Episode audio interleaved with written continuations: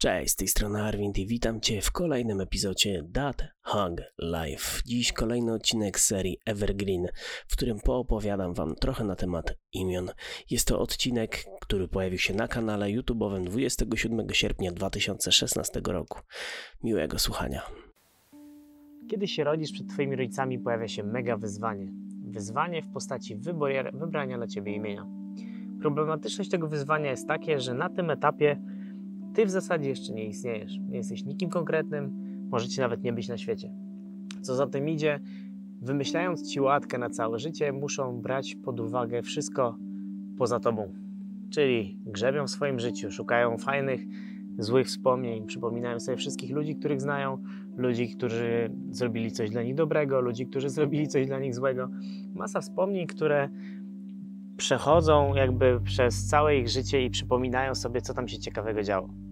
Teraz, jak już to imię jest wybrane, ty masz je przyklejone na czole i świat jest tak skonstruowany, że powinieneś mieć całe swoje życie na to, aby nadać temu imieniu swoją wartość, swoje własne znaczenie poprzez swoje czyny, poprzez swoje przeżycia, poprzez swoje dobre rzeczy robione dla innych ludzi.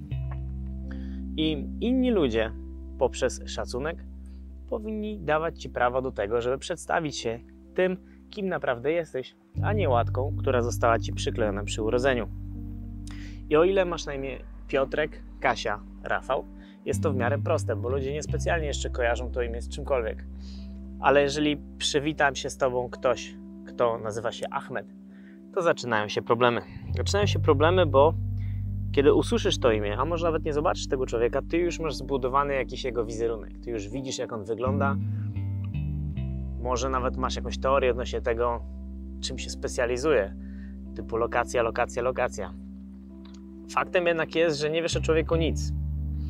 I teraz wróćmy do słowa szacunek. Szacunek, czyli respekt, to z łaciny spojrzeć ponownie, a mianowicie dać człowiekowi drugą szansę na stworzenie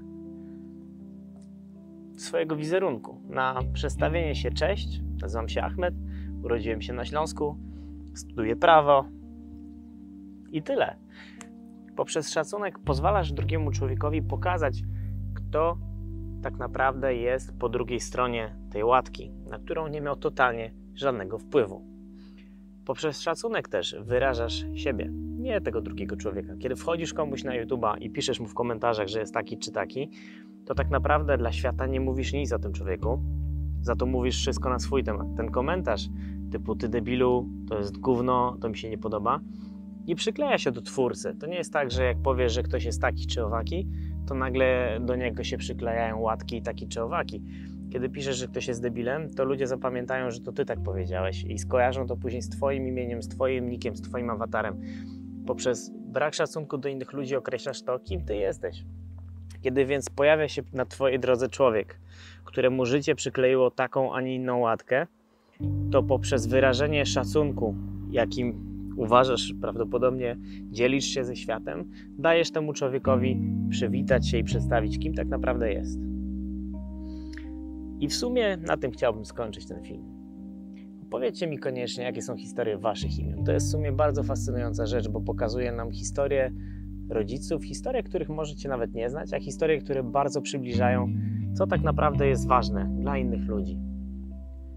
A tylko patrząc na takie rzeczy, możemy się dowiedzieć, jak bardzo szeroki i ciekawy jest ten świat. Kiedy zaczynamy badać czyjeś historie. Także napiszcie mi w komentarzu, jak to się stało, że macie na imię tak, a nie inaczej. Ja nazywam się Arvind. Arvind z języka hindi oznacza kwiat lotosu, ale to nie było powodem, dla którego takie imię mi nadano. Były trzy imiona, które zaproponował mi papa. Mama się na nie zgodziła, wybrali to jedno i tak wyszło. Czy jestem kwiatkiem? Nie jestem. Chciałbym wierzyć, że mamy jakiś związek z jogą, gdzie kwiat lotosu jest dosyć istotną symboliką, a to jest jeszcze konkretnie czerwony kwiat lotosu, więc tego śmegę. Zobaczymy, jak będziemy testować jogę na naszym kanale. Czekam na Wasze historie. Cześć.